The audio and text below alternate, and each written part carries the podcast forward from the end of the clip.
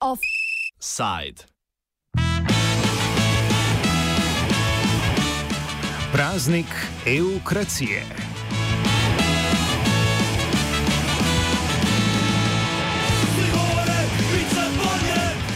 Točno dve minuti po 11. uri zvečer nam je Bog ponovno podaril radost edino. Zaključila se je namreč ena izmed večjih manifestacij parlamentarne demokracije na svetu, ki jo imenujemo Volitve za Evropski parlament. Konec tedna, ko prispejo še glasovnice iz tujine, bo potrjen zbor 751 predstavnikov ljudstva v Evropski uniji, med katerimi bo tudi 8 poslancev iz Slovenije. Največ glasov je prejela Zveza Slovenske demokratske stranke in Slovenske ljudske stranke, ki bo v Bruselj poslala Romano Tomc, Milana Zvera in Franca Bogoviča. Sledi stranka Socialni demokrati, ki jo bosta predstavljala Tanja Fajon in Milan Brgles. Dva predstavnika bo v parlamentu imela tudi lista Marjana Šarca in sicer Ireno Jovevo ter Klemna Grošlja. Zadnjo vstopnico v Bruselj pa je ujela Ljudmila Novak, stranko Nova Slovenija, krščanski demokrati.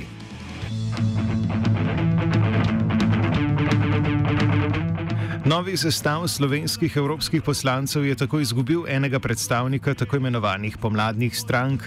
Rezultate volitev povzame Alem Maksuti z Inštituta za politični menedžment. Zdaj, jaz mislim, da so lahko zadovoljni vsi, ki so dobili predstavnika, ker to nekaj pomeni v kontekstu stranke. Predvsem to so bile čisto strankarske volitve, kar je na koncu pokazal tudi volilni rezultat.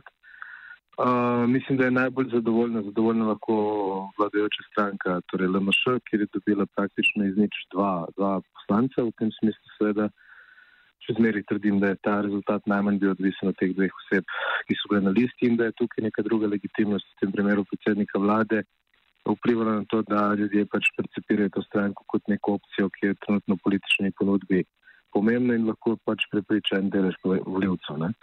To se je seveda dogajalo v preteklosti tudi eh, na, na drugih ravneh, ne, kar pomeni, imeli smo pojavniki hitro ustanovljenih strank, ki so se potem dobro odrezale, ampak ni pa to dolgega eh, roka, ne, kar pomeni, lahko se zgodi, da se stvari čez nas spremenijo, predvsem zaradi same volatilnosti in, eh, ne, in seveda nestabilnosti v časovni dimenziji strukture strankarskega sistema, ker vse čas na nek način dobivamo neke nove in nove stranke, ki se ponujajo kot odrešitelji.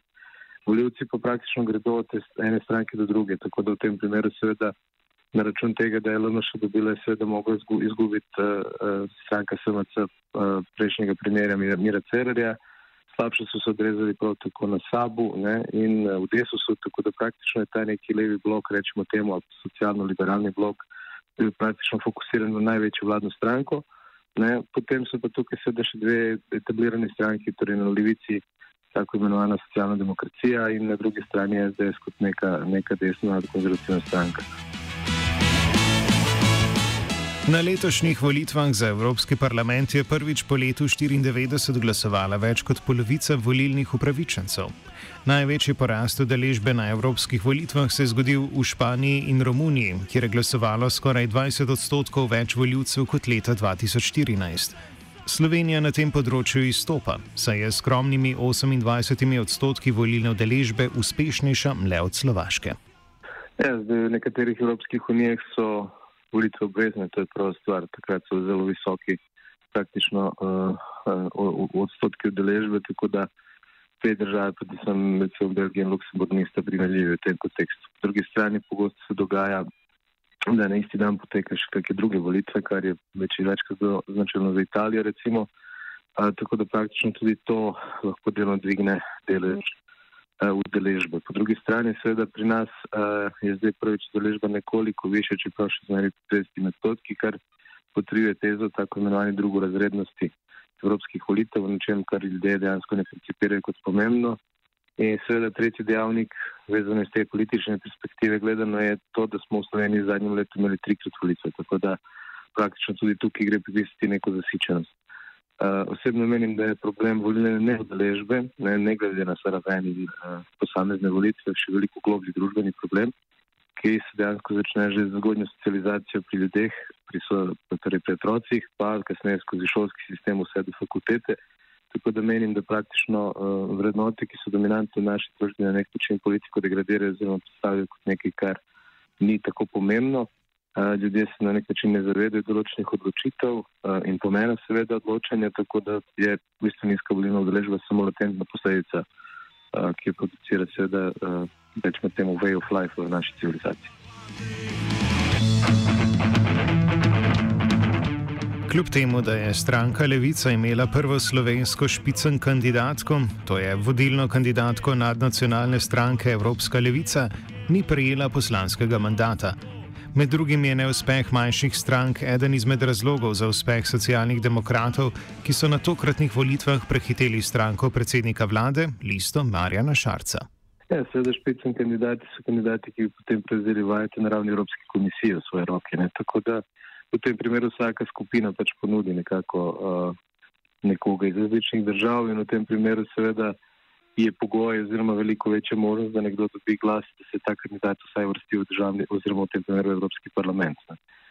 Zdaj, v konkretnem primeru Levice menim, da Violeta Tomič m, skupaj z ekipo, na katero je nastopila, preprosto ni uspela zajahati tako rekoč pravega vala, ne, ker pomeni tematike, ki so bile v igri, so bile popolnoma orientirane na neke teme, ki ne mobilizirajo njihovega voljenega telesa. Koliko bi bilo več govora recimo o prekarnosti ali pa o neki minimalni plači ali pa o nekem razrednem boju na državni oziroma nacionalni ravni, menim, da bi ta stranki uspelo preskočiti eh, volilni prak za Evropski parlament oziroma da bi vsekakor dobila enega poslanca, ne glede na to, ali je bil Jelce Tomič bila špicen kandidat ali ne.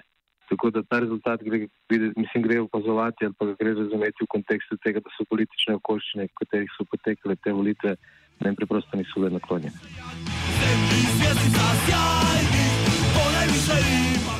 Lista Mir Marjana Šarca je kljub temu osvojila dva mandata in se s tem še močneje uveljavila v slovenskem političnem prostoru, kar je po mnenju Roka Čakša, urednika spletnega portala domovina.je, presenečenje.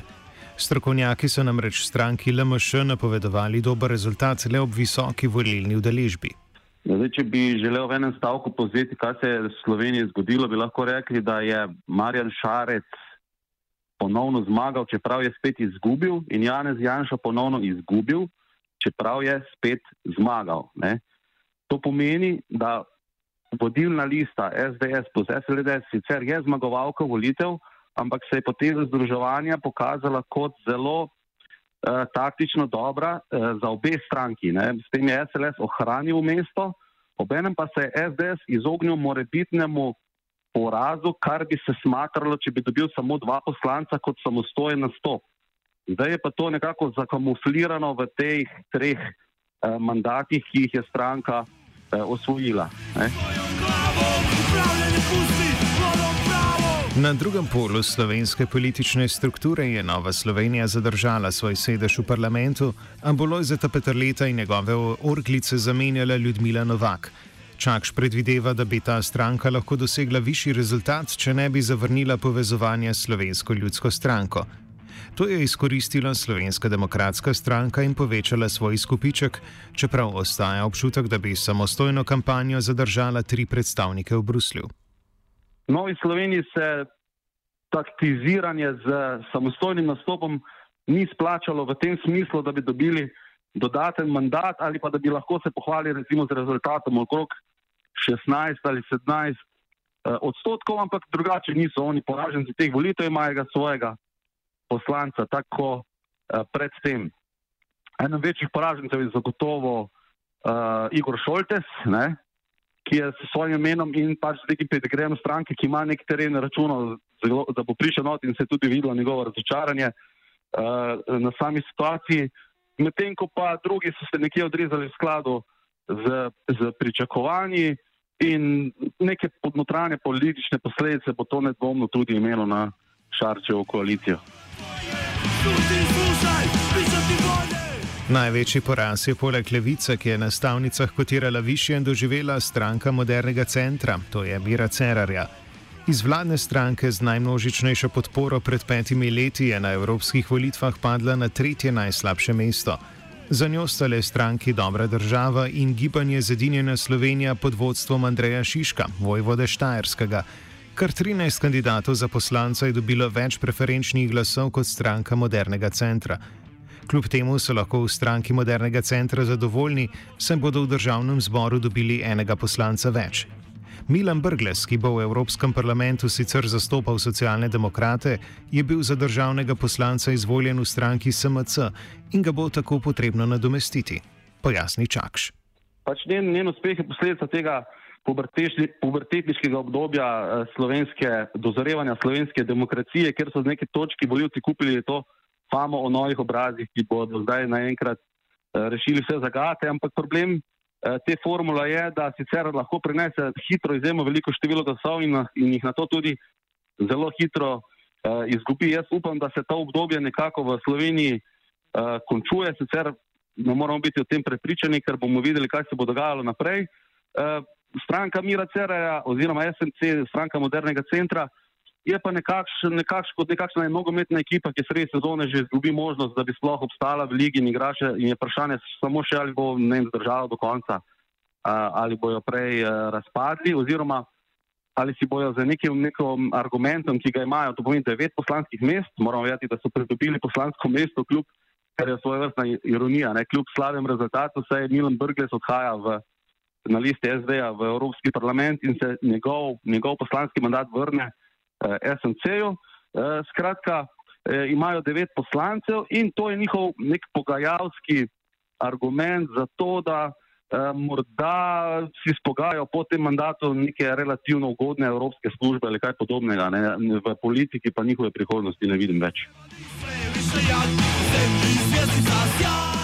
Tudi na nivoju celotne Evropske unije ni prišlo do drastičnih sprememb. Največjo izgubo sta doživeli Evropska ljudska stranka ter tako imenovano progresivno zavezništvo socialistov in demokratov, ki sta skupaj predstavljali absolutno večino parlamenta. Včerajšnjih rezultatov so se najbolj razveselili v zavezništvu liberalcev in demokratov za Evropo, bolje znanem kot ALDE in skupini zelenih. Za vzpostavitev večinske koalicije in s tem uveljavljanje interesov se bosta tako največji stranki morali povezovati vsaj še z Alde in eno manjšo stranko. Maksuti pojasni, kako lahko te spremembe vplivajo na prihodnost evropske politike. Zdaj, če njih vprašate, ne kogarkoli od predstavnikov katerekoli skupine ali pa politike, nasploh eh, politika je, oziroma njihova percepcija je taka, da je vsak rezultat volitev zmaga oziroma poraz nikoli dokončen. Ne. Tako da se na nek način zavedajo, da sicer tudi če imajo malo manj, kot so imeli prejšnji mandat, še zmeraj razmerje med nekimi največjimi skupinami ostaja približno enako. Jaz osebno mislim, da se s temi volitvami ta razporeditev znotraj posameznih skupin še ni končala, ne, kar pomeni veliko vprašanje, ali bo recimo stranka Fides na mačarskem po takem rezultatu na evropskih volitvah še vedno želela biti članice EPP, ne, torej Evropske ljudske stranke. Tukaj sem, po mojem, odpiral eno pomembno vprašanje. Uh, po drugi strani, seveda, je vprašanje tudi interese, kdo bo s kom uh, na nek način dosegel dogovor glede podpore kandidata za Evropskega komisarja oziroma komisarko. In v tem smislu, seveda, je ta, to razmerje, ki je praktično nekoliko spremenjeno v, med socialisti in demokrati na eni strani in uh, Evropsko ljudsko stranko, je lahko dobra popotnica pa neko izhodišče za preboj kakih drugih manjših skupin v spredje. Uh, Zdaj, to je seveda vse pod znakom vprašanja, ker dejansko nimamo neke klasične vlade na ravni Evropske komisije, kot jo sestavljajo v koalicijskih vladah v nacionalnih državah. Tako da mislim, da bo splet nekih drugih dejavnikov vplival na to, kdo bo postal novi, član, novi predsednik komisije in kako bo ta stvar šla. Eno je definitivno jasno, da praktično s temi trenutnimi predstavniki in politikami, ki jih lahko vidimo, ne bo prišlo do nekega diametralno nasprotnega ali pa do nekega paradigmatskega preloma v smislu politike. Evropa bo še zmeraj ostala neoliberalna trdnjava in nacionalne države bodo imele še zmeraj enake obveznosti in probleme in pravice v kontekstu relacij Bruselj in njihov glavno mesto. Čeprav v celostni sliki Evropskega parlamenta ne bo prišlo do velikih sprememb, so rezultati volitev pretresli lokalno politično stanje v posameznih nacionalnih državah. Grški premijer Aleksis Cipras je tako naprimer napovedal prečasne volitve, potem ko je opozicijska stranka Nova demokracija prejela več glasov kot vladajoča Siriza. Tudi v Franciji je opozicijska stranka Marie Le Pen narodni zbor prejela več poslanskih mandatov kot stranka predsednika države Emanuela Macrona, naprej Republika. Nasplošno so skrajno desne stranke, združene v Evropsko zvezo narodov in nacij, pridobile znatno več mandatov kot pred petimi leti. Najmočnejši pa so bili v Franciji in Italiji. Nadaljuje Maksuti. Vsaka država zase. Ne? Zdaj, to, kar se je zgodilo v, z Štrahem v Avstriji, mislim, da bo v veliki meri bolj pomembno, ali se bo pač premijer Kurco držal na položaju za svojo vlado ali pa ne, več bolj kot to, kako, je, kako so odrezali recimo na evropskih volitvah. Ne. Tudi če so zmagali, to še ne pomeni, da ne bodo imeli notrnih težav. Po drugi strani, v Grčiji se je Cipras napovedoval neko boljši rezultat, potem se je izkazalo, da, da stvari stojijo drugače, ampak seveda je treba to postaviti v nek kontekst, ker najbrž ta njegova odločitev za prečasne volitve ni vezana samo na račun. Uh, uh, uh, torej, eh, rezultate evropskih volitev. In enako bo tudi verjetno v Sloveniji. Ne, ne na zadnje bodo pač zmagovalci a, teh volitev, torej stranka, ki jo je sicer v koaliciji, ampak vseeno bi bila največ, bo verjetno zahtevala neko novo legitimnost, čež da so veliko bolj pomembni in da de facto dobivajo vem, veliko več, ampak ne uspejo priti na oblast.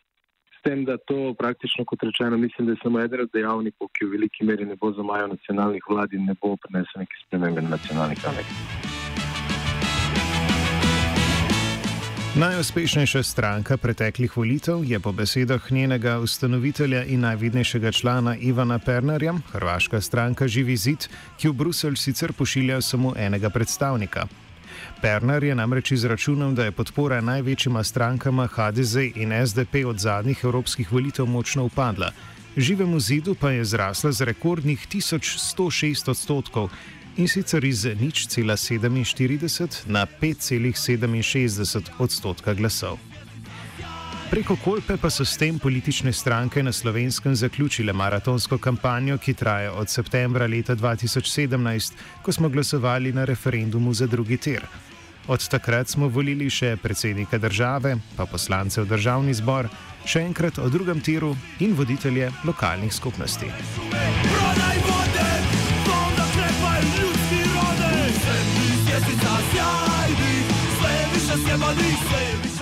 Offside je pripravil Virant. Radio študent je čista radio.